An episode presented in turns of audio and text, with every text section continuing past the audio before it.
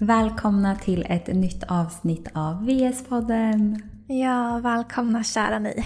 Vi är back. Precis, ett nytt avsnitt bara du och jag.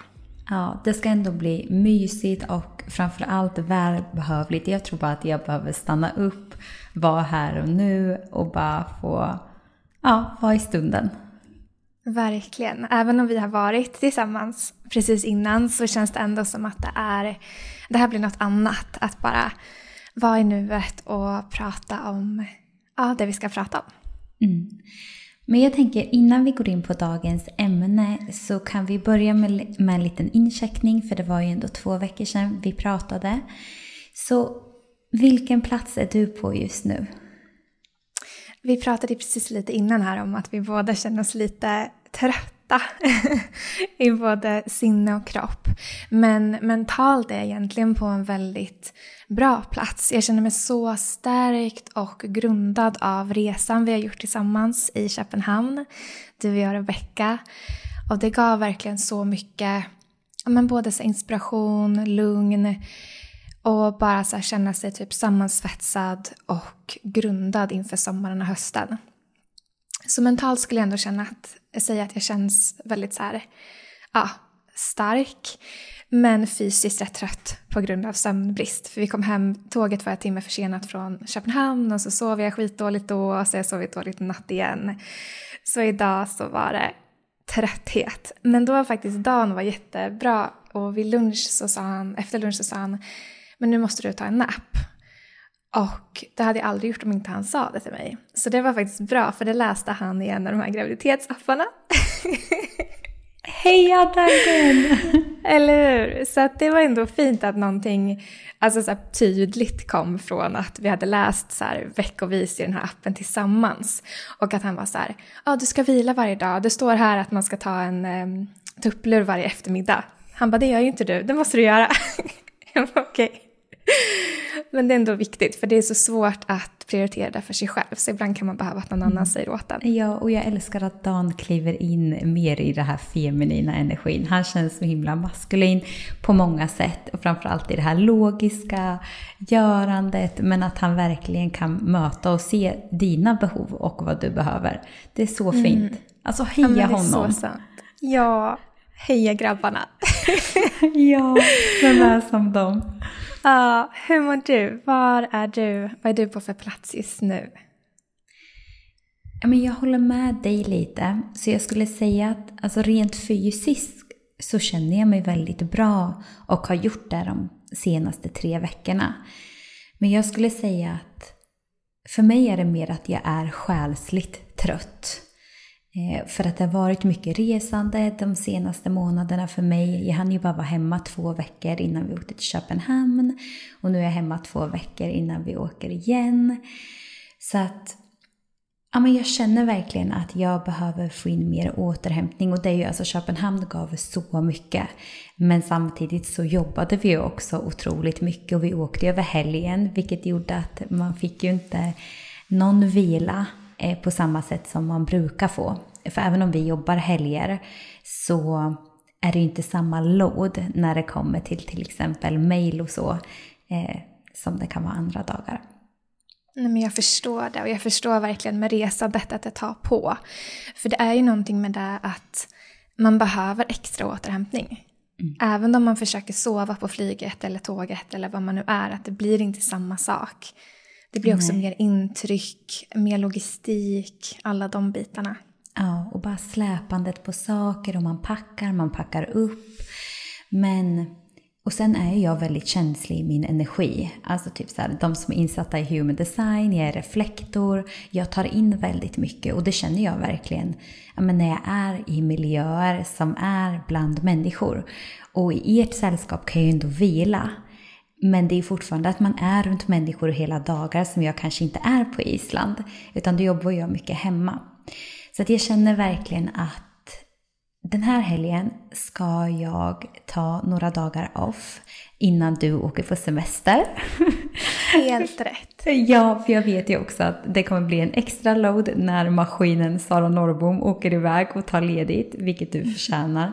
Så därför, jag ska verkligen bli bättre på att slow down. För det är så enkelt när man, och jag tror att många känner igen sig det, att när man är i det här produktiva, man är i det här görandet, det är så himla svårt att ta ett steg tillbaka, för det känns så mycket motstånd. För man är så himla mycket i huvudet istället för att vara förankrad och grundad i kroppen. Verkligen. Och den här to-do-listen går ju alltid att fylla på. Den kommer ju aldrig ta slut. Och det är där någonstans man måste påminna sig själv om att vad, och ta ett steg tillbaka. Vad gör det om jag inte gör det här kommande två dagar? Gör det verkligen någon skillnad? Mm. Och det är jag riktigt dålig på. För att för mig blir det mycket kortsiktig tillfredsställelse. Att det är skönare att göra det än att långsiktigt se vad kan det här ge mig. Så det är någonting jag verkligen behöver öva på för att framåt sett, vi kommer ju alltid ha saker att göra även när vi får barn och är mammalediga. Så att man behöver hitta ett förhållningssätt till det och jag tror till att börja med, var lite i den här maskulina energin att vara mer disciplinerad och konsekvent. Precis, ja men verkligen. Och det där är ju igen någonting som man kan att vi kan försöka sätta i system också att fortsätta påminna varandra om. För det är, ibland så blir man som sagt, de här inre rösterna tar över kring vad man är så van vid. Och där har ju vi verkligen jobbat med att vara bra på det, men ibland behöver vi nog uppa det ännu mer. Mm, verkligen. Och idag tänkte vi djupdyka i trimester 2 och ja, hur vi har upplevt den här perioden. Eh, men vi kommer också gå in på delar som vi vet att många kan känna igen sig i. Exempelvis den här processen med att kroppen förändras. Ja, men alla de här olika delarna som vi tycker är viktiga att fånga upp. Exakt. Ja, det ska bli jättespännande att höra om hur du har upplevt andra trimestern.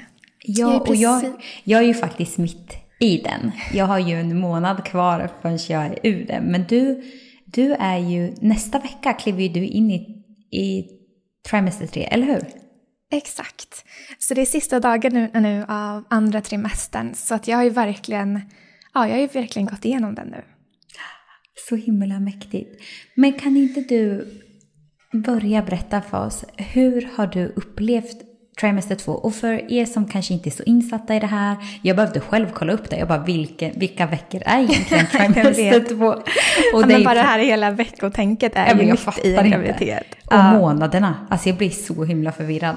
Men trimester 2 är ju från vecka 15 till och med vecka 28. Yes. Nej men jag har mått väldigt bra i andra trimestern och det var ju som vi pratade om tidigare att för mig var det ju som en, på en vecka så bara slog det om från första trimestern. Att nu när jag tittar tillbaka på den så var det som att hela kroppen var i en berg och dalbana. Allt var nytt, kroppen var upp och ner. Känslorna var upp och ner, tröttheten var otrolig, hungern var otrolig. Det var så mycket. Och sen när jag kom in i andra trimestern, illamåendet försvann. Jag började känna mig stark och pigg igen. Men så mycket förändrades verkligen. Ehm, men en sak som har också varit intressant är att jag tyckte att jag känt mig, speciellt andra halvan av andra trimestern, att nu har jag känt mig mindre gravid än vad jag gjort på hela graviditeten. Intressant. Alltså, både liksom fysiskt och mentalt att nu är det som att kroppen känns nästan som vanligt igen, bara att jag kommer på att jag har en mage med ett barn i då och då när jag ser mig i spegeln eller du vet när den är i vägen. Men innan så var det så här, åh det var tungt och det kändes som att det växte åt alla håll och man bara var, ja det bara var all over the place liksom. Och det är också så kul för nu har ju Dan senaste veckan verkligen varit bara så här, gud du är verkligen gravid nu. Medan jag själv bara, men gud jag känner mig bara så här som vanligt typ. så det är ju, det hade jag inte förväntat mig att det skulle kunna liksom gå nästan från ena hållet till det andra. Och det är samma sak med första och andra trimestern. Att i första trimestern tänkte jag, åh herregud, om det fortsätter så här resten av graviditeten, hur ska det här gå? Så att det är verkligen en insikt att graviditeten är inte, det är inte en linjär eller en kurva uppåt som fortsätter på samma sätt. Tvärtom typ. Verkligen. Men ändå skönt att få känna som du gör. Verkligen. Eh, men sen så har det också varit mycket, även om jag har mått väldigt bra så har man ju ändå haft åkommor. men eh, jag tänker att du kan få beskriva lite om din andra trimester så kommer vi komma in på mer specifika saker vi upplevt. Verkligen. Ja. Men jag skulle säga att alltså i efterhand eh, när jag kollar tillbaka så inser jag ju verkligen hur mycket illamåendet har påverkat mig själv. Inte bara fysiskt utan framför allt energimässigt, emotionellt, mentalt. För att illamående, herregud, det påverkar en på så många sätt. Ja. Så att för mig för vänder, vänder det ju i vecka 20 skulle jag säga. Mm. Ja, och det är ju många veckor fler än vad jag hade i glömmående till exempel. Det är ju två månader mer. Ja, Så att det har ju verkligen varit en, inte en kamp skulle jag säga, för att i vecka 18 började jag ändå känna mig bättre. Men jag har fortfarande mått väldigt illa, så det är faktiskt de senaste tre veckorna som jag man har känt mig mer som mig själv, jag har varit sugen mer på mat, jag har fått en ökad hunger, jag har känt mig piggare. Så att jag har ju verkligen känt ett skifte och nu förstår jag ju vad många pratar om att ah, men när du kommer in i andra trimestern då kommer saker och ting förändras, du kommer uppleva saker på ett annat sätt och det har jag gjort. Men sen kan jag fortfarande känna att jag är ganska trött men jag tror också att det har att göra med hur mycket jag har jobbat för på ett sätt har man ju pressat sig själv när man inte har mått bra. För att det är ju ganska många månader som det annars skulle ha inneburit att man inte liksom har eh, kunnat jobba och ja men så. så att, men nu skulle jag ändå säga att men saker känns lättare. Men eh, jag, jag kan ändå känna igen mig i det du beskriver. Jag känner mig ändå dock mer gravid nu med tanke på att jag verkligen har fått en mage. Men också att här, träningen känns enklare. Man är sugen på samma saker som man var innan på ett sätt. Så det är också en skön känsla. Mm. Ja, det här är ju också ett bra exempel på att graviditet är ju inte likadant för någon. Det, Mm. är, ja, men det kan vara så olika från, från, från person till person, verkligen. Och det finns ju ingen logik heller. Det är ju det. Att även om man supportar sig själv på bästa möjliga sätt så kan man fortfarande må som man gör. Och sen är jag ganska känslig överlag.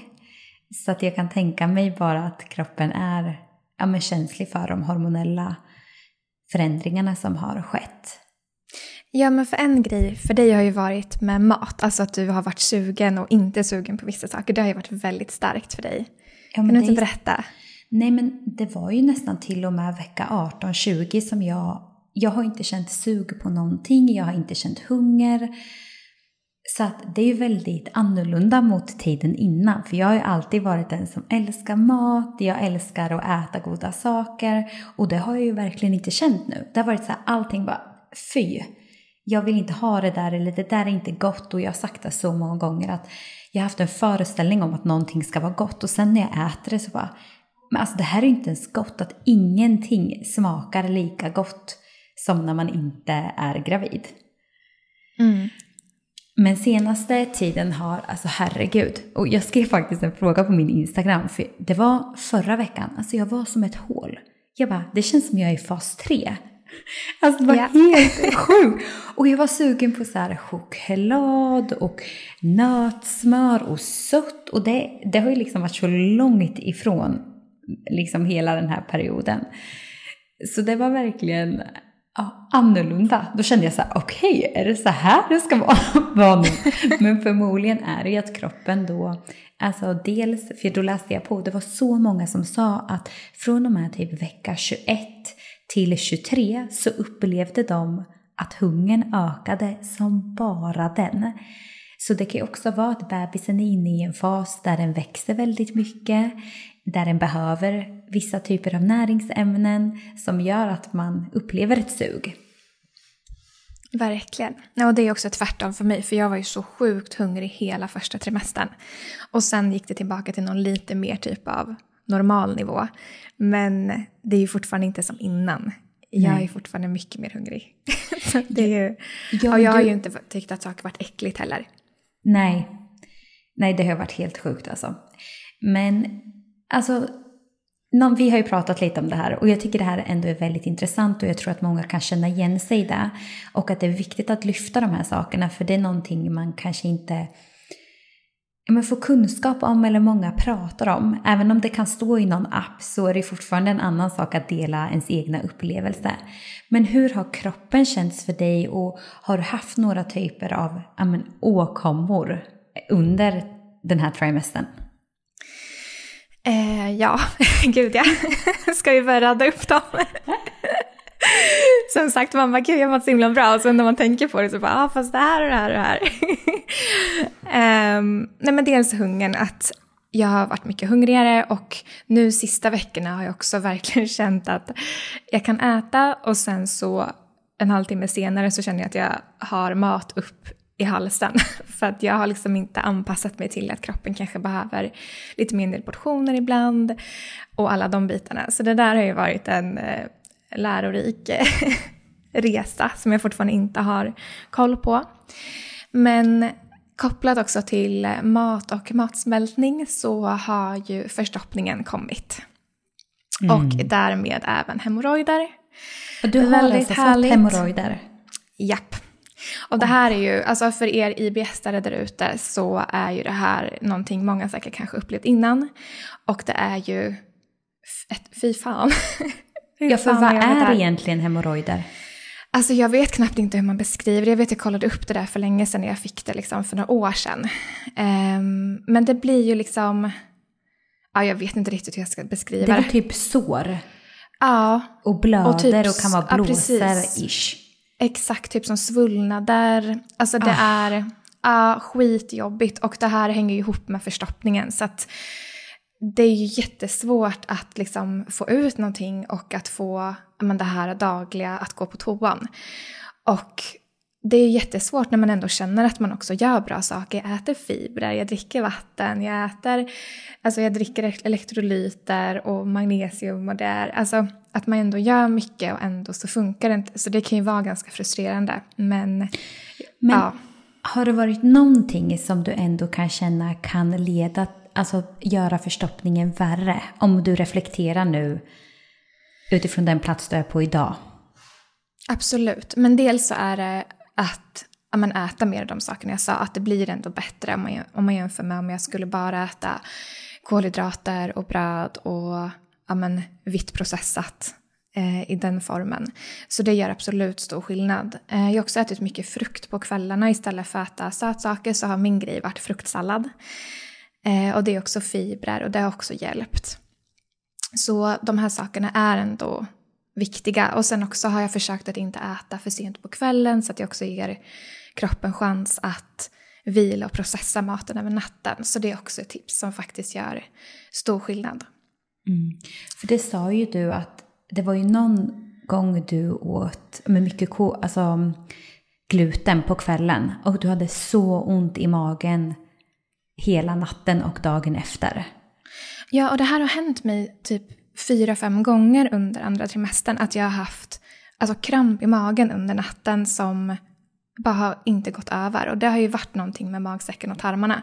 Och det jag kunde identifiera var precis som du sa, när jag ätit mycket gluten. Men sen hände det en gång när jag inte hade ätit gluten. Så att då tror jag att det kanske också har att göra med att, att jag har varit lite mer känslig för saker. Men också när jag ätit för mycket fett. För typ någon kväll åt jag liksom pasta med någon gräddsås och ja, det var mycket eh, det var svårsmälta fetter för mig den, i det, det formatet. Liksom. Så att ja, där blir det ju tydligt ändå att vissa saker påverkar mer. Mm. Och det är ju viktigt att ta med sig att Alltså, ibland får man ju bara känna acceptans och kapitulera till att säga okej det är så här det här är. Men också gå till sig själv då att okej hur kan jag stötta på bästa sätt? Att jag ju också upplevt, det, är så sjukt. Jag åt, ja men förra veckan, det, ja, det var innan vi skulle åka till Köpenhamn. Då spelade Oliver match och de har alltid hamburgare efter matchen. Och jag var så här, men jag borde inte äta gluten för jag vet hur det blir. För, för veckan innan så åt jag en pizza, förstoppad dagen efter. För jag kan alltid gå på toa på morgonen. Eh, så att jag bara, okej, okay. dagen efter gick inte. Jag bara, fasen, okej, okay, ja, jag ser mönstret. Men jag kan också tycka att så här, ibland är det värt det. Att jag tar den. Men sen då, då åt jag en halv hamburgare med bröd. Och dagen efter förstoppad. Så att för mig är det ju verkligen gluten och det här finns det ju mycket information kring. Och Jag vet att Jenny Ko sa det också att en av anledningarna till att hon absolut inte åt gluten, även om hon var sugen på det under sin graviditet, så var det just för att det kan bidra till förstoppning. Så att för mig har det verkligen varit en riktigt viktig sak. Ja, och det här är ju, alltså för mig är ju det en akilleshäl. Alltså jag har så svårt att sluta med gluten. Det är på något sätt, ja men min safe space. Att det är så mycket barndom, det är så mycket inrutat. Och även om jag äter mycket mindre gluten nu än vad jag har gjort så har jag svårt att dra ner på det mer. Men det har ju också nu under graviditeten när man också får tillbaka vissa av de här symptomen som kommer och går med IBS. När min IBS har blivit mycket bättre det sista året. Så har det också gjort mig mycket mer motiverad att faktiskt gå till botten med grundorsaken. Och vi får se om jag börjar göra det under graviditeten eller efter graviditeten. Att eh, då kommer jag ta ett ännu större grepp om att verkligen gå till grundorsaken. För att nu har jag också vant mig vid att om det ändå blivit bättre och då är det som att jag nästan har nöjt mig med det. Fastän det faktiskt inte är helt bra och jag får tillbaka förstoppning eller diarré med, något, alltså med lite mellanrum. Och då under de här månaderna när jag inte har det så tänker jag, men gud det är ju inte bra. Men så nu, nej, jag ska gå till botten med det mm. här framöver. Och det är ju en jättebra drivkraft. Då finns det ju en gåva i att det händer nu. Att du får den nyfikenheten och drivkraften till att verkligen skapa en hållbar och riktig förändring utifrån 100%. vad du behöver. För det kan ju vara så att ja, men gluten kanske inte är så farligt eller så är det det som är det. Men sen också tänker jag att någonting som kan vara bra är ju probiotika, antingen i form av kosttillskott men också genom att få i sig det via till exempel mjölksyrade grönsaker, kokosyoghurt, kombucha, så att man ändå hjälper tarmen på traven. För fibrer kan ju också, även om man äter mycket fibrer, så kan ju fibrer också till viss del också göra en förstoppad. Så att det är jätteviktigt att ha en balans där och kanske men till exempel som chiafrön, det är ju superbra eh, för förstoppning men då också behöver man ju få i sig tillräckligt med vätska. Och jag tänker på dig när barnmorskan sa att du nästan var uttorkad. Att då kan det vara att du inte har tillräckligt med vätska. Eh, och salter framför allt. Att det är ju inte bara vatten utan det är att vi behöver ha mineralerna. Som till exempel man kan få via elektrolyter. Eh, ja, för att binda sant. upp det. När du säger det så har jag ju faktiskt sen jag hade mer förstoppning så har jag druckit mycket mer elektrolyter. Så det har nog hjälpt, bara att jag inte har gjort den kopplingen. Och sen äter jag ju prebiotika men det är lite mer sporadiskt. Jag har inte haft, eh, fått in rutinen att äta det liksom dagligen. Men det är också en superbra grej, verkligen. Men elektrolyter det var också helt nytt för mig innan graviditeten. Så det är ju, ja men det är ju wow. Det har ju faktiskt hjälpt. Det är magiskt.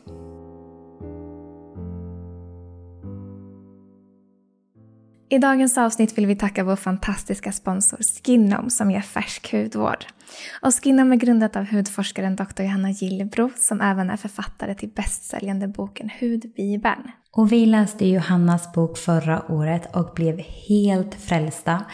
Och sen dess så har vi använt deras ansiktshudvård. Ja, vi älskar den.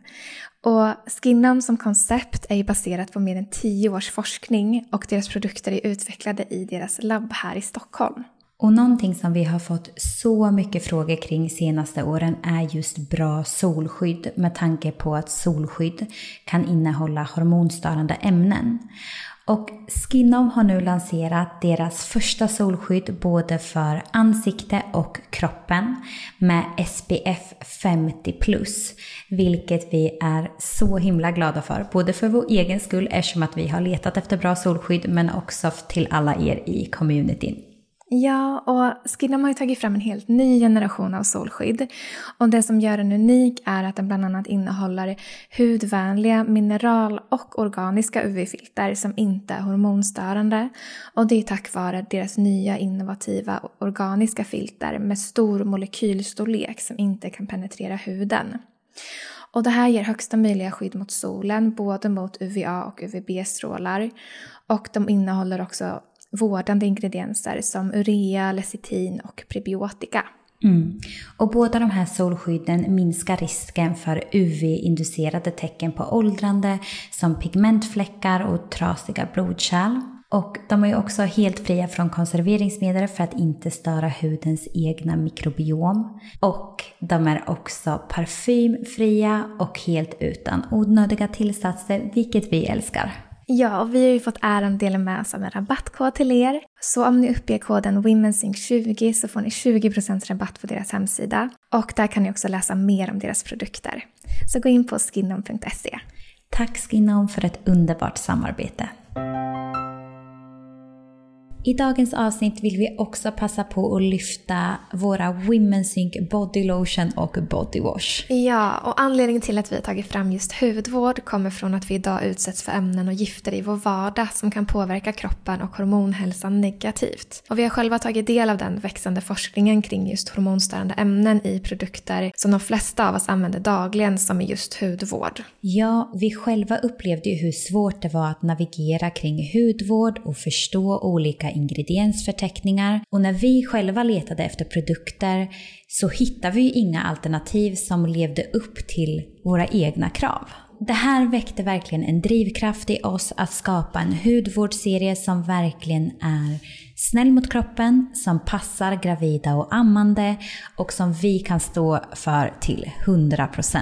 Precis, och även om de är snälla mot kroppen så har det varit otroligt viktigt för oss att de också verkligen har effekt. Det vill säga att de ska vara mjukgörande och återfuktande. Och själv älskar jag verkligen konsistenserna. Bodywashen är så len mot kroppen och bodylotion gör verkligen huden mjuk utan att lämna en fet hinna på huden. Mm. Nej men de är otroliga. Och för att göra dem så närande som möjligt för huden så har vi fokuserat på att använda ingredienser som finns naturligt i huden och och som stärker och upprätthåller en hälsosam hudbarriär såsom exempelvis kvalen, E-vitamin och vitamin B3. Ja, precis. Och en viktig aspekt i framtagandet av hudvården är att vi har gjort dem parfymfria. Och det är eftersom att parfym är ett samlingsbegrepp som kan innehålla hundratals olika ämnen. Och de är även fria från PFAS, parabener, ftalater, BPA, mikroplaster och mineraloljor. Ja, och vi får ju ofta frågor vad vi använder och vi använder ju enbart de här produkterna nu och kommer att göra för resten av vår framtid. Och framförallt nu när vi är gravida eftersom att de passar lika bra inför för, under och efter en graviditet. Men de passar ju även för de som har känslig hud eller man har olika allergier eller bara för dig som är medveten och söker efter alternativ som är snälla mot huden. Mm. Och produkterna är också veganska och producerade här i Sverige. Och du hittar dem på vår hemsida womensing.se. Men eh, ja, en till sak som jag kom på, för det hände precis när jag kom tillbaka från Köpenhamn. Det var, jag hade inte med mig kosttillskotten till Köpenhamn. Så jag har inte ätit magnesium på fem dagar. Vaknade med kramper i vaderna. Det är sjukt. Det, det är så sjukt, för då blev det verkligen igen. Jag bara, mm, det var inte en slump sist. Så att, eh, ja, det visar verkligen på hur viktig magnesium är. Ja, och det För nu har jag ätit det i två dagar och det är redan borta. Ja, och det säger man ju att man har ett ökat behov av under graviditet och framför allt vid gravid illamående att det kan vara att man är magnesium, vad heter det, deficient. Men jag är så här, jag kan inte resa, alltså jag kan inte åka utan mitt magnesium och glucin på kvällen. Det är verkligen A och O. Och jag tog ändå med mig lite prenatal också, omega. Mm. Ja, nej, det var tydligt.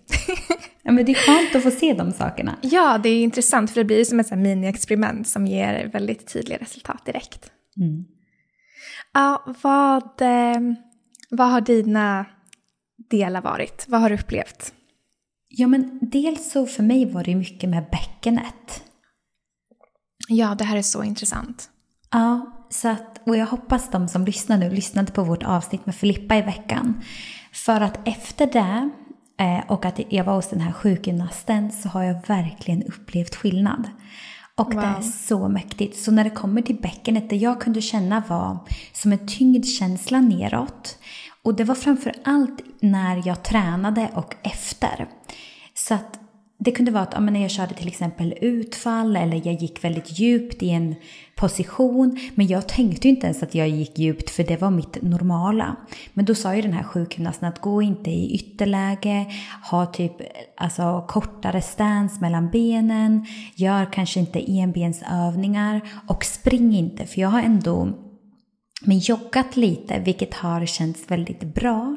Men jag har fått så ont i Alltså så ont där nere efteråt och typ dagen efter.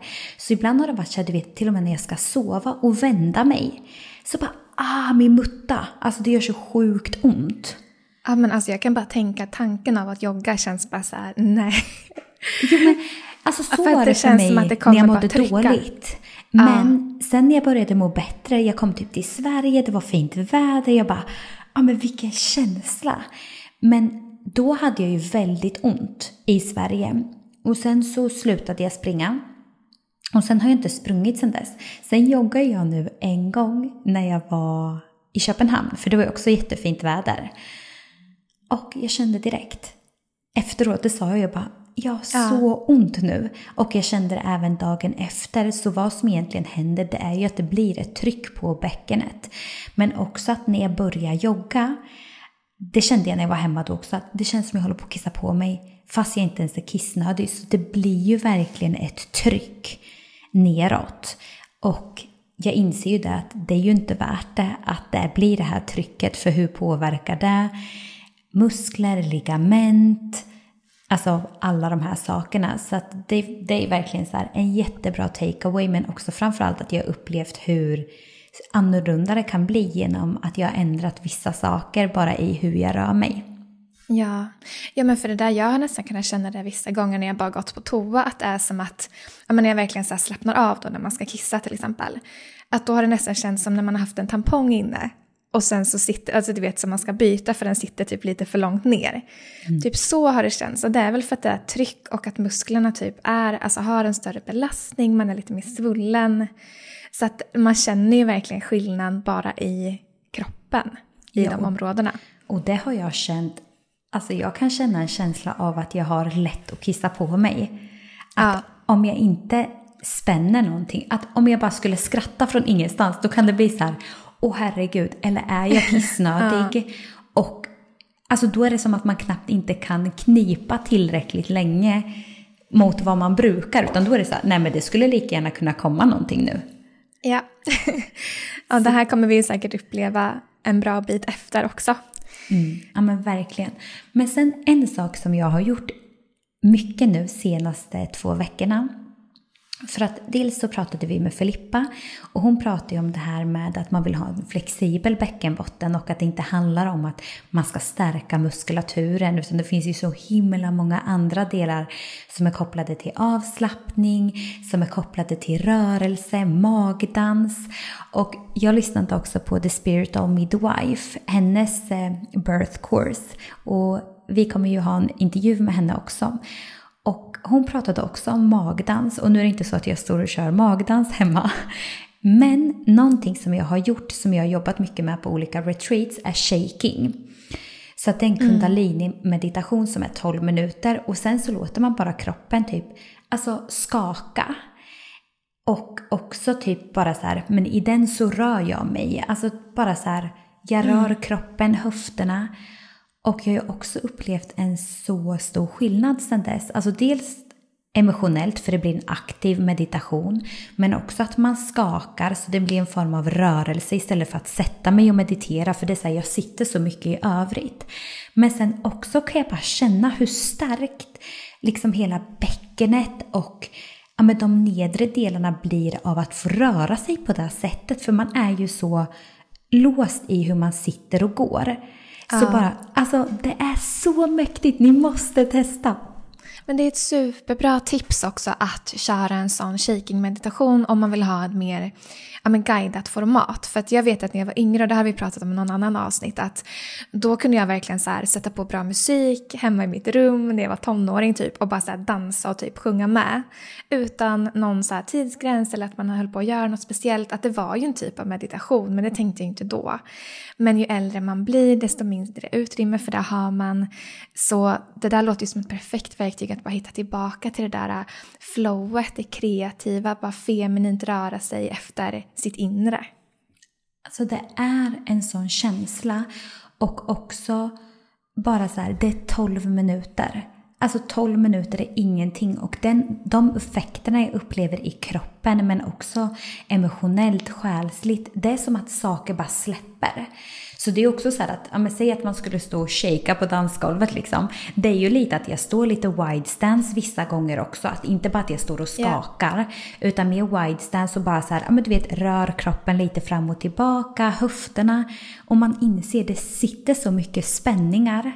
Och jag kan ju tänka mig, ja men för i den där eh, förberedande förlossningskursen så pratar man ju också om ja men hur kan man förbereda sig inför förlossning.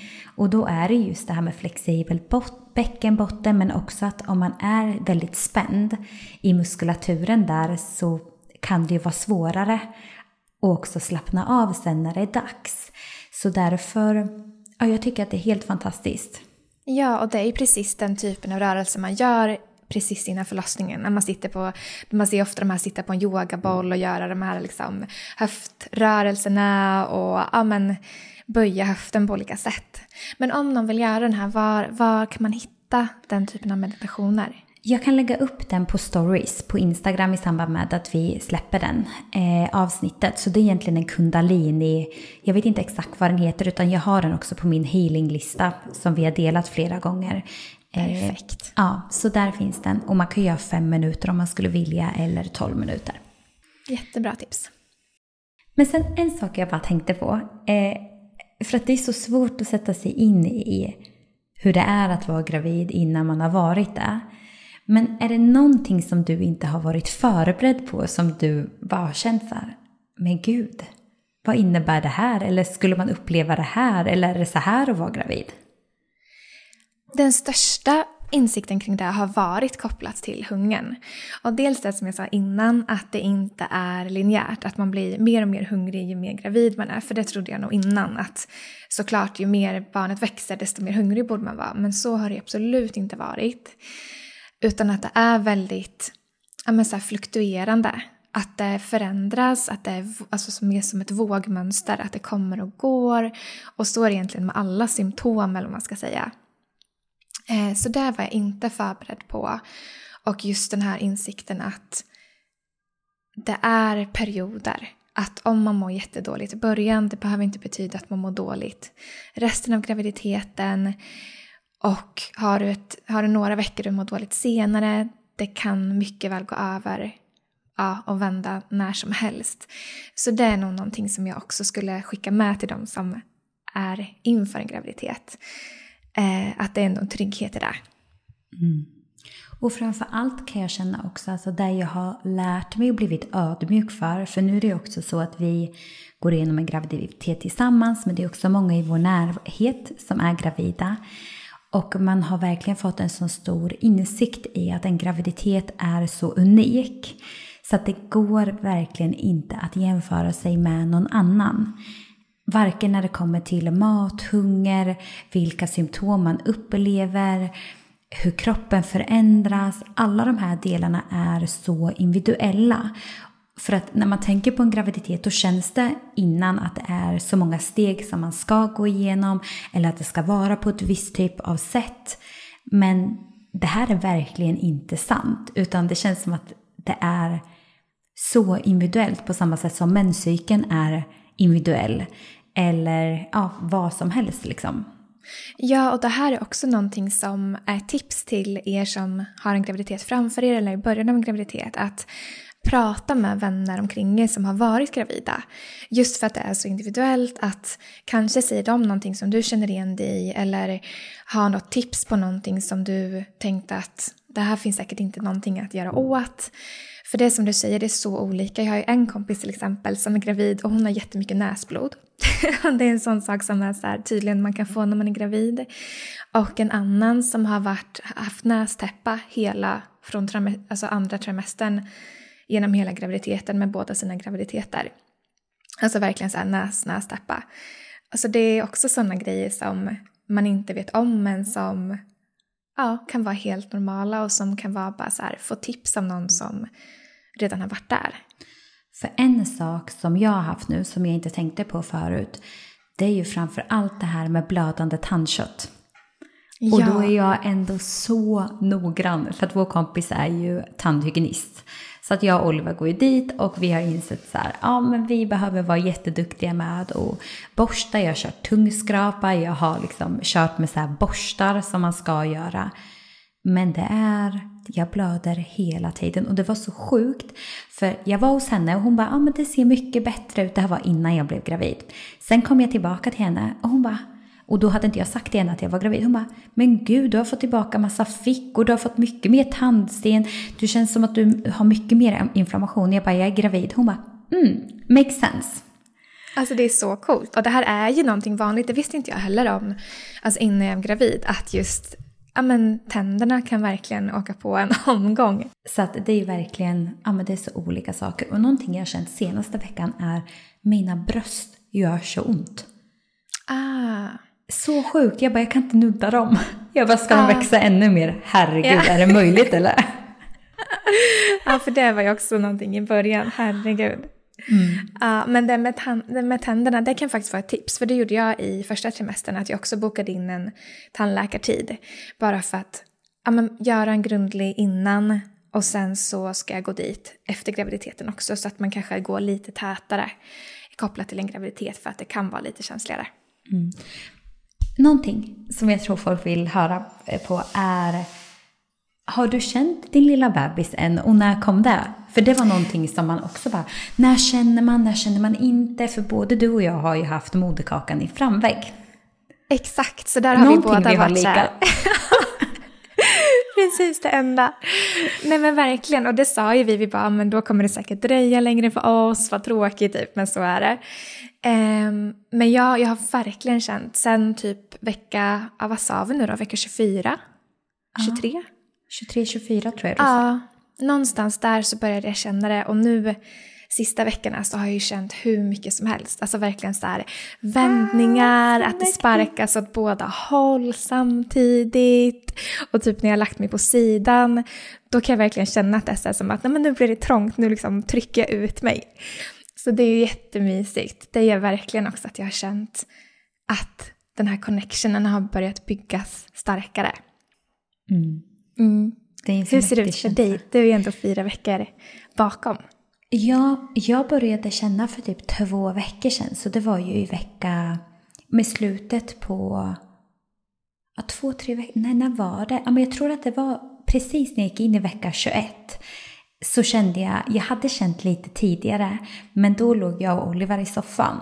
Och då kände jag verkligen hur hon sparkade och Oliver kunde också känna, så det var så mäktigt oh, wow. att första gången verkligen känna tillsammans. Ja. Så efter det så har jag ja, men, känt henne mer eller mindre ja, men ganska mycket. Men det är också så svårt. Vissa dagar har jag känt henne mer, andra dagar mindre.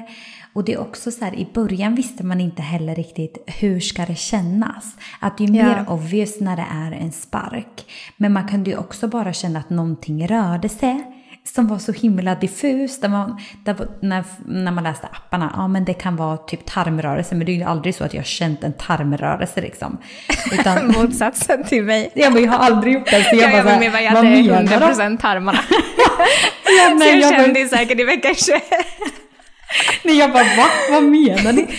eh, så att, eh, Ja, men så, det har också varit en sak som jag verkligen har jobbat med, att känna tillit. För att när man läser och men som när du klev in i vecka 25 då skulle man ju, man ska ju känna bebisen varje dag från och med den. Och det kunde jag i början känna men jag är ju inte i vecka 25. Jag behöver inte vara orolig för att jag inte känner henne hela tiden eller varje dag. Även om jag kunde på ett sätt har jag nästan känt henne varje dag, men det har ju varit med olika styrkor. Ibland kan man vara så här, men inbillar mig? Ja. Men, nej men sen så har det varit vissa gånger, det har, typ som igår, det var säkert för att i Köpenhamn var det också så mycket brus, jag kände inte in, jag vilade inte. Men här är det ju så här, det är tyst, jag sitter själv. Så igår levde hon verkligen rövare. Det är så mäktigt. Åh, mysigt. Ja. ja, nu kände jag en spark bara för det. Ja. Men det var mysigt att Oliver också fick känna första gången, för det är ju fortfarande en kamp för dagen. När jag säger åh det rör sig, och så lägger han handen och så, så händer ingenting och han känner ingenting. Jag bara, men hur kände du? Han bara, nej. så det känns fortfarande som att han typ inte har känt. Nej, och det är inte samma sak. Alltså, för det pratar ju ändå du och jag så igår. Ja. Jag bara, jag bara, hon sparkar nu, vill du känna? Han bara, det är okej. Okay. Jag bara... Jag bara, men, jag bara älskling, tycker inte du det här är lika kul? Och jag bara, så jag åh älskling. Han bara, alltså vad är det som sker? Ja, men jag tror nästan Dan kanske lägger handen för min skull mer än för sin egen. Nej, men sen är det, det är ju ändå mäktigt när man verkligen, alltså när de får känna. Men jag ja. tror att det är ju en annan sak för oss, för man känner det ju sam, alltså inifrån och utanpå typ. Ja, ja, men det är ju en mäktig känsla. Och det är som sagt, det går inte att jämföra för dem. Nej, så det är mer att man vill dela den upplevelsen för att ja. de ska förstå lite typ hur det känns i oss. Men det är ju så här, ja. ja, det är kanske inte riktigt möjligt då. Nej. men en sak som jag tycker är så viktig, som du och jag har pratat om så himla mycket, och vi har ju touchat vid det här tidigare, Ehm, och jag vet att du ändå har jobbat ganska mycket med de här delarna när det kommer till att kroppen förändras och men du kanske har upplevt tankar och känslor som du inte har gjort tidigare. Kan inte du dela med dig av det här? Jo, men verkligen. Ja, men det har varit ja, men just det här kring att kroppen förändras. Och för mig har det inte varit att magen växer. Det har känts helt okej okay och ja, bara mysigt och bra och allt det där.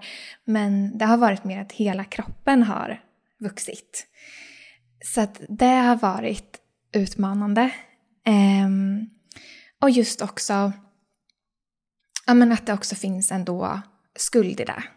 Att man känner att så här, nej men har jag ätit för mycket, jag rör inte på mig tillräckligt mycket. Att det blir liksom första tanken, att man känner någon typ av skuld för att man inte ska förändras. Att det är det som är idealet. Att kroppen ska vara precis som innan, bara att man får en liten kula och sen så får man barnet och sen ska man vara tillbaka på åtta veckor. Att det är så djupt att det är första tankarna som slår en. Så där har det ju verkligen varit att guida tillbaka till att nej, kroppen kommer förändras och troligtvis väldigt mycket. För vissa förändras den mindre och för vissa förändras den mer. Och allt är helt naturligt. Och det är också så svårt, man kan inte veta hur ens kropp kommer förändras i förväg. Att det är så mycket som bara är acceptans och att som sagt inte lägga någon typ av värdering i det. Mm. Men trodde du innan du blev gravid att du skulle uppleva de här typerna av känslor som du ändå har gjort nu? Nej men delvis så var jag inställd på att, att jag ändå tänkte så här, ja men kroppen kommer förändras, en graviditet är så transformerande. Men jag hade kanske inte landat i vad det faktiskt skulle, hur det skulle kännas och upplevas. Och hur starka de här idealen som sagt gör sig påminda. Att det är ju för att man har en bild av att man vill vara som de där influenserna på Instagram. Eller som någon, ja, typ pilatesinstruktör på TikTok. Alltså att det är så här, det är de man på något sätt ser i sitt flöde och jämför sig med även fast man i sitt, alltså i sitt inre eller vad man ska säga vet om att det är inte verkligheten och det naturliga är att kroppen förändras. Och det är helt okej. Okay. Så om du går ett lager djupare, då är det första känslan du egentligen känner skuld? Ja. Men är det någonting också kopplat till, jag tänker alltså värde, för att du har ju också, det här har vi pratat om tidigare, men jag tycker ändå att det är viktigt att lyfta att du kommer ju ändå från en bakgrund på ett sätt där du har varit idealet i hur kroppen ska se ut. Och ibland är det ju svårt att när man är frisk eller man eh, är inom idealet, då är det ju också svårt att kanske uppleva vissa känslor för att man behöver inte möta de sakerna. Utan det är ju faktiskt när någonting händer eller kroppen förändras, det är ju då man på riktigt exponeras för någonting och får uppleva det. Alltså vad, vad tänker du kring det? Ja men så är det ju verkligen och där kommer det ju till att jag har haft en väldigt, vad ska man säga, alltså naturligt förhållande till mat till exempel. Och det har ju varit den största utmaningen i det här för att jag har varit så hungrig och jag har känt att jag behöver äta så mycket mer än innan. Och tidigare så hade jag, alltså jag har aldrig behövt tänka två gånger kring att så här, hur mycket ska jag äta eller vad behöver min kropp. Att det har bara skett så naturligt att jag äter tills jag är mätt och så äter jag nästa gång när jag är hungrig eller när jag är sugen på någonting. Att det har liksom bara flytit. Och nu på något sätt så har det kastats omkull. Så där har man ju verkligen fått också försöka jobba med att inte ja, men fastna i negativa känslor. För något som jag har känt mycket det är att så här, kommer alltid vara så här. Kommer det här fortsätta efter graviditeten? Vad gör jag om det händer? Att man börjar tänka framåt och skapa ja, men, oro kring någonting som inte är här och nu. Så att det har ju varit någonting att också försöka vägleda, vägleda sig tillbaka och inte springa iväg i och förstora de här sakerna. För att det är som sagt så här, jag är gravid. Min kropp är i en transformation, ingenting är statiskt, allting kommer förändras. Och att inte börja så måla upp hur det kommer vara sen eller hur det kommer vara om en vecka. Utan bara acceptera och men inte heller se det som någonting som är så farligt, för det är inte. Nej. Och jag tror att det är så viktigt att lyfta ämnet för att det känns som att det finns så mycket ideal och normer för även en gravid kvinna framför allt, hur den personen ska se ut. Men också som att det känns att samhället och människor runt omkring också värdesätter eller definierar som framgång när en person inte förändras så mycket. Att ja. den här personen gick bara upp så här mycket eller hon kom tillbaka efter så här många veckor eller oh, jag har inte fått någon mage fast jag är den här veckan eller det är som att, att kroppen inte förändras. Att det är som att det är framgång eller värde. Och alltså ju, om man kollar på det och ska vara objektiv, då finns det ju ingen bra eller dåligt. Utan det handlar ju verkligen om sin egen kropp och att vi är ju så olika. Vi är byggda på helt olika sätt. Vår bebis är olika, vår moderkaka är olika. Men det känns som att det fortfarande finns alltså så starkt grundat i samhället att vara liten eller att inte förändras eller att inte gå upp eller Alltså det är så maskulint att det är någonting som är bra. Ja, alltså 100 procent. Och det är ju det här idealet att typ en 18-årings väldigt vältränade kropp ska vara idealet även när vi är som sagt 30 eller 40 eller 50, att det blir bara sämre. Att det är liksom det man har lärt sig. Men så är det ju inte, utan det är något fint i att förändras. Och det är samma sak att kroppen förändras för att man blir mamma. Att nej men då ska man se ut som att man inte har fött barn och att man är tio år yngre än vad man är eller vad det nu är. Att det saknas ju så många alltså, nyanser.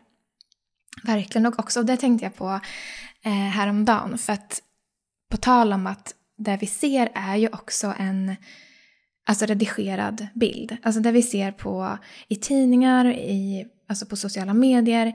Det är ju alltid någon som har valt ut den bästa bilden, där man passar som mest in i det här idealet. Och det behöver man verkligen komma ihåg, för så är det ju även om jag lägger upp en bild, då tar jag en det jag tycker att jag är som snyggast. Och det tänkte jag på, för du la upp några bilder häromdagen. Och när jag tittade på mig själv på de bilderna så kände jag bara så här, nej, nej, nej, nej, det här känns inte bra. för att jag tyckte att så här, men jag ser så stor och gravid ut. Och det säger ju, det säger ju precis allt det där. Att jag hade inte lagt upp de bilderna själv. Och så fungerar det ju. Att så här, allt är ju redigerat. Och liksom väldigt noga utvalt. Så sen, sen det är ju träning. Ju, ja, och sen är man ju så dömande och kritisk mot sig själv. För det var som ja. min syster kommenterade den bilden. Hon bara wow, ni glowar så mycket båda två. Så det är ju verkligen, alltså det är ju också så individuellt i att där jag kanske har haft vissa komplex kopplat till min kropp där jag då utmanas av vissa av dem nu om kroppen förändras. Eller, så det är ju verkligen så individuellt. Men att lyfta frågan är fortfarande så här till er som är gravida eller kommer bli gravida eller har varit gravida att inte jämföra sig. Alltså det är så svårt och man märker det nu när så många runt omkring oss är gravida och vi alla är så olika. Men att inte värdera någonting som bra eller dåligt. Men det känns också som att människor på ett sätt när man är gravid att de tror att man kan, de får uttrycka sig hur de vill. Eller mm. att det är okej att de ska kommentera hur man ser ut, om man är liten eller om man är stor eller om man förändras eller om man inte förändras. Alltså det är också så här, men vem är du att kommentera min kropp och hur, hur jag förändras? För det är verkligen en process vi inte kan styra. Utan det handlar Exakt. ju igen om att vara mer i det feminina. Så här, kapitulera till det som är, ha tillit till kroppen men också acceptans. För det är någonting men jag har tänkt mycket på, för jag fick den frågan från en följare och hon bara, men hur känner du om att kroppen förändras? Eh, och hur tänker du med ja, men efter förlossning, med att bristningar, lös hud, att kroppen inte kommer vara detsamma? Och det jag tänkte på var då så här, men dels att vara gravid, det innebär ju att kroppen förändras och det var en sak som jag fick med mig från missfallet. För jag vet att i den graviditeten, även om det bara gick några veckor, så kände jag men herregud vad kroppen förändras snabbt. Men i den här har det ju varit, men det här är ju ett tecken på att allting är bra och att det här är ju drömmen som jag ska få uppleva. Det är vägen till familj. Och att kroppen förändras är ju en del i det. Mm. Ja, men det är så sant. Mm. Men sen också att jag tror att det är viktigt att när de här tankarna dyker upp, eller om de dyker upp, för att jag har också, jag tror att för mig har det varit kanske enklare på ett sätt för att jag har dealat med många av de här känslorna innan. Så att i min resa med HA och allting som har varit kopplat till att jag har lagt mycket av mitt värde och kärleken till mig själv i hur kroppen ser ut. Att jag har ju läkt många av de delarna redan innan, vilket har, som jag har haft nytta av nu i den här processen när den förändras. Så jag vet att det var en av de sakerna Jenny ställde till mig, Jenny Kos, när hon coachade mig. Hon bara, om du blev gravid nu, hur skulle du uppleva när kroppen förändras? Och jag bara, ja men vadå? Det, då förändras det ju. Men jag inser ju nu att har man inte jobbat med de känslorna då hade det ju varit förmodligen utmanande på ett helt annat sätt. Ja, ja men det ligger så mycket i det där att ja, det, det kan vara värdefullt att bara ställa sig själv de frågorna och verkligen gå till djupet. Mm. Och också så här, det jag tänker på att som du sa, att inte tänka så mycket på sen. För vi har ingen aning om hur kroppen kommer förändras. Om man kommer få hudbristningar eller inte. Kommer vi att eh, kommer man få lös hud? Kommer kroppen gå tillbaka som den var innan? Eller, alltså så här, man har ju ingen aning. Så det är också så onödigt att lägga energi på det. Så för mig har det varit mer att när de tankarna dyker upp att så här, för jag, jag kan, det jag har känt mer så här, men gud, vart ska det här sluta? Ja, ja men jag förstår verkligen vad du menar. Men det är det där igen, att man är så här, det kommer bara eskalera och så är, det stämmer ju inte. Nej, och det har ju också blivit påverkat i form av att människor runt omkring har sagt till exempel, ja men din mage är så stor, eller alltså, att då har ja, man ju också påverkats. Istället för att bara, men vadå, det, det är också så här, det kan ju växa i olika takt. Alltså det finns ju så många dimensioner av det. Men där har det verkligen varit för mig att inse att här, ja, men om det är så att min kropp kommer att förändras, om jag nu skulle få bristningar lös hud, att vad spelar det för roll i grund och botten? För att då är ju det ett magiskt sign på ett sätt att jag behöver läka någonting. För då finns det ju fortfarande någonting i mig där jag identifierar mig med min kropp eller jag sätter mitt värde i hur jag ser ut. Så där finns det också en möjlighet till att läka. Men det är så fint och så mm. sant. Och man blir ju verkligen, som du säger, det här med att kommentera varandras kroppar och att det är som att en gravid kropp på något sätt inte... Alltså då, då är det fri lejd. Att det är så märkligt hur det är. Mm. Så det visar ju också att det finns ju en lång väg att gå när det kommer till samhällets förhållande till graviditet.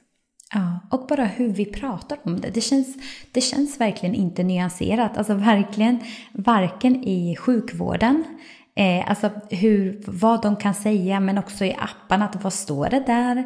Men också i människor runt omkring. Men jag tror också att det är att, alltså det är inte alla som är som har haft möjlighet att uppleva en graviditet vid nära håll. Så det kanske också för många blir en chock i form av att någonting förändras eller som Dan, gud vad gravid du är. Ja, ja, alltså ja, jag är ju det. Alltså, ja. det är ju verkligen så. Så jag tror också att, och det finns ju en mening med det. Ja, verkligen. Och att vi ska ha fler sådana här samtal med, med våra vänner och familjer och alla runt omkring oss. För att som sagt, ibland har man ju haft folk i sin närhet som har varit gravida och man har, alltså det har knappt kommit, man, alltså man har knappt pratat om det. Mm. Att det, som sagt, det finns ingen dialog kring det. Nej, och jag tror också på att nyansera bara att kroppen kommer ju att förändras för resten av livet och när vi kommer in i olika stadier. Och det är extra tydligt för oss som kvinnor att efter att vi, ja men när vi är tonåringar, när vi kommer in i puberteten, ja då förändras kroppen jättemycket och då är det ett samtalsämne.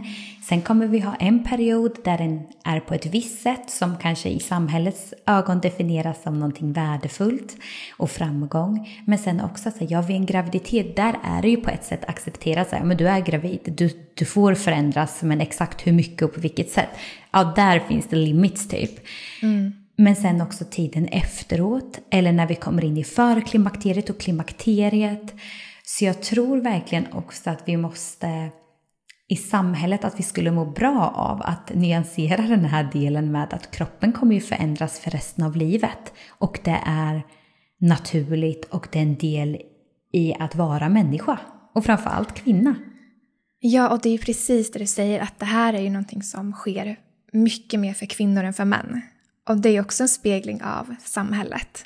Att kvinnors upplevelser tar ju mycket mindre plats. Alltså de får ju mycket mindre plats. Och det är, det är i de här fallen det blir så tydligt. Att, ja men varför har man inte pratat mer nyanserat om förändringarna? Ja men det är väl för att män framförallt har fört samtalen. Så att det är ju verkligen en förändring som vi som kvinnor skapar. Mm. Och det blir ju också att när man tänker efter att jag vet att så här, jag har hört det innan att ja, men kvinnor ser äldre ut än män i samma ålder. Man bara, ja fast tänk då om man exempelvis går igenom en graviditet. Alltså jag inser ju också hur mycket load vi utsätts för vid en graviditet, men också tiden efteråt. Men också bara om man kollar på att vi trycker in oss själva i en livsstil som inte är formad utifrån oss, som också skapar otroligt mycket stress. Ja. Samt, alltså, så att det är också så här, det är så sjukt då att så här, ja men hur mycket vi, våra kroppar på ett sätt går igenom mer Gud, än männens. Och sen så tycker jag också att den, den sägningen tycker jag också är 100% bullshit. Mm. Alltså jag gör verkligen det. Jag tycker inte att, tittar man på men i, ja men kolla typ så här, Leonardo DiCaprio som folk fortfarande är så här, ja ah, han är så snygg. Nej, han är inte snygg för sin ålder. Han är inte snyggare än kvinnor i sin ålder. Att jag tycker också att det är en, alltså, nej det är inte en sann bild. Det är också mm. någonting som man typ har blivit intalad för att det är så vi ser på saker. Att vi ser 20-åriga tjejer som idealet. Men 30-åriga, 40-åriga, 50-åriga, 60-åriga, 70-åriga kvinnor är skitsnygga där de är. Ja. Det är bara att man jämför en 20-årig tjej med att den ska vara, alltså att man ska fortsätta se ut så. Och det är där det blir något skevt. Ja, för där är det ju mer att man kollar på att äldre män kan ju folk tycka har karaktär och det är någonting ja, som är nice. Då är men, det Silver Fox typ. Ja, men att kvinnor åldras, det, alltså, så att det är ju verkligen bilden på hur vi ska se ut. Alltså både kopplat till åldrande men också hur kroppen ska vara och jag tror att det är så viktigt för att, för att kunna läka den här delen, eller till er som också någon gång har upplevt att så här, ja, men min kropp, att man upplever utmaningar med att den förändras eller att utseendet förändras.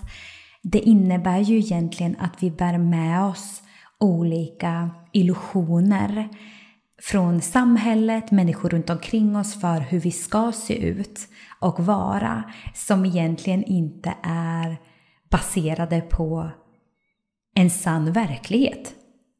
Exakt. Ja men det är verkligen så. Och det där behöver vi påminnas om om och om igen. För att vi omges ju av motsatsen. Mm. Men jag tycker också det är viktigt bara att för de som kroppen inte förändras mycket eller att magen inte ploppar. Nej, det är också naturligt för det är din kropp. Så att take-awayen för er som lyssnar är ju verkligen att oavsett vilken plats ni är på, om kroppen förändras mycket eller lite, om ni mår bra eller inte bra. Alltså det är så här, det är ju att inte värdera så mycket utan mer att försöka kapitulera och inte jämföra sig. För att det, det går inte att jämföra sig. Verkligen. Det är så individuellt och vi alla är på egna resor och ingenting är konstant. Mm. Det känns verkligen som att vi har touchat vid så viktiga ämnen och jag har en så bra känsla i kroppen också som där du har påmint mig om vad är viktigt egentligen och att ja, men vad är viktigt egentligen i livet. Det är samma. Och bara skön energi från att jag kom in skittrött och sliten i det här samtalet. Ja, det är så mäktigt. Jag tänker så här. För båda vi kommer ju in ändå från en plats där vi har varit ganska trötta och hela den här delen. Vad behöver du få in mer av framöver? Jag ska ju på semester nästa vecka som du nämnde och det ska bli så skönt.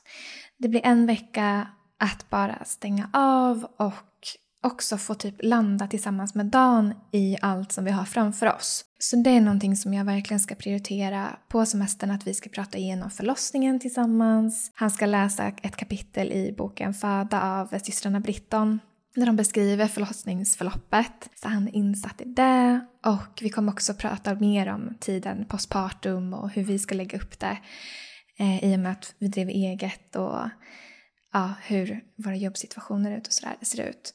Så det kommer bli någonting att prioritera, att bara så här, få börja planera lite framåt så att man känner sig trygg i det. Men också att bara stänga av, vara, inspireras, inte tänka så mycket. Jag älskar det. Och det är ju så viktigt till er som lyssnar också att ställa er själva frågan, vad behöver jag få in mer av framöver för att verkligen, verkligen må bra och ge mig själv det jag behöver. Mm. Hur ser du på de kommande veckorna? Vad kommer du prioritera och få in mer av? För mig, det är ju lite i samma tema. Med tanke på att du åker iväg så kommer det innebära någonting annat för mig. Så att jag tror att för mig kommer det bli jätteviktigt att verkligen vara dedikerad i min tid. Att det kommer vara en mycket större load eh, med tanke på att vi delar på allt annat. Så att verkligen vara duktig i att säga, men vad, är, vad behöver jag? Och hur lägger jag upp min dag för att faktiskt må bra? Och att våga vara konsekvent i det. För det är så lätt att när man är egen att jobba hela tiden, men jag vet vad jag behöver för att faktiskt må bra. Så en del kommer att vara att vara bättre på att vara offline vissa timmar om dagen och faktiskt lägga ifrån mig mobilen för att den skapar så mycket distraktion men också att den tar ifrån mig närvaro. Och är det någonting jag vill så är det att sakta ner och vara mer närvarande. Det låter så bra och mm. så välbehövligt. Verkligen. Tack för ett underbart avsnitt. Tack kära du, så mysigt. Hoppas att ni som lyssnar fick med er någonting av värde. Verkligen massa kärlek till er och ha en underbar vecka så ses vi om två veckor igen bara jag och Sara. Det gör vi. Puss puss. Puss. Vi vill bara passa på att lyfta Chica Roast som är en så uppskattad produkt både för egen del och av er kvinnor i communityn. Chica Roast är gjord på roten cikoria som rostats till ett pulver som du enkelt blandar med hett vatten till en fyllig värmande dryck. Och det bästa av allt är att den är koffeinfri och fri från tillsatser och är ekologiskt producerad i Europa. Ja, och vi älskar ju Chica Roast. Den är så god. Den påminner om kaffe i smaken men inslag av choklad och lite sötma. Och för oss har Chicaros verkligen varit en game changer för att kunna minska på vårt koffeinintag. Och det här är verkligen det bästa substitutet till kaffe som vi någonsin har testat. Verkligen. Och personligen sen jag minskat på koffein och började dricka Chicaros så har min IBS blivit bättre då den till stor del var väldigt stressrelaterad. Och jag sover också bättre och har minskat min oro och ångest. Så ja, en game changer helt enkelt. Om du vill testa Chicaros så hittar du den på vår hemsida www.womensync.se.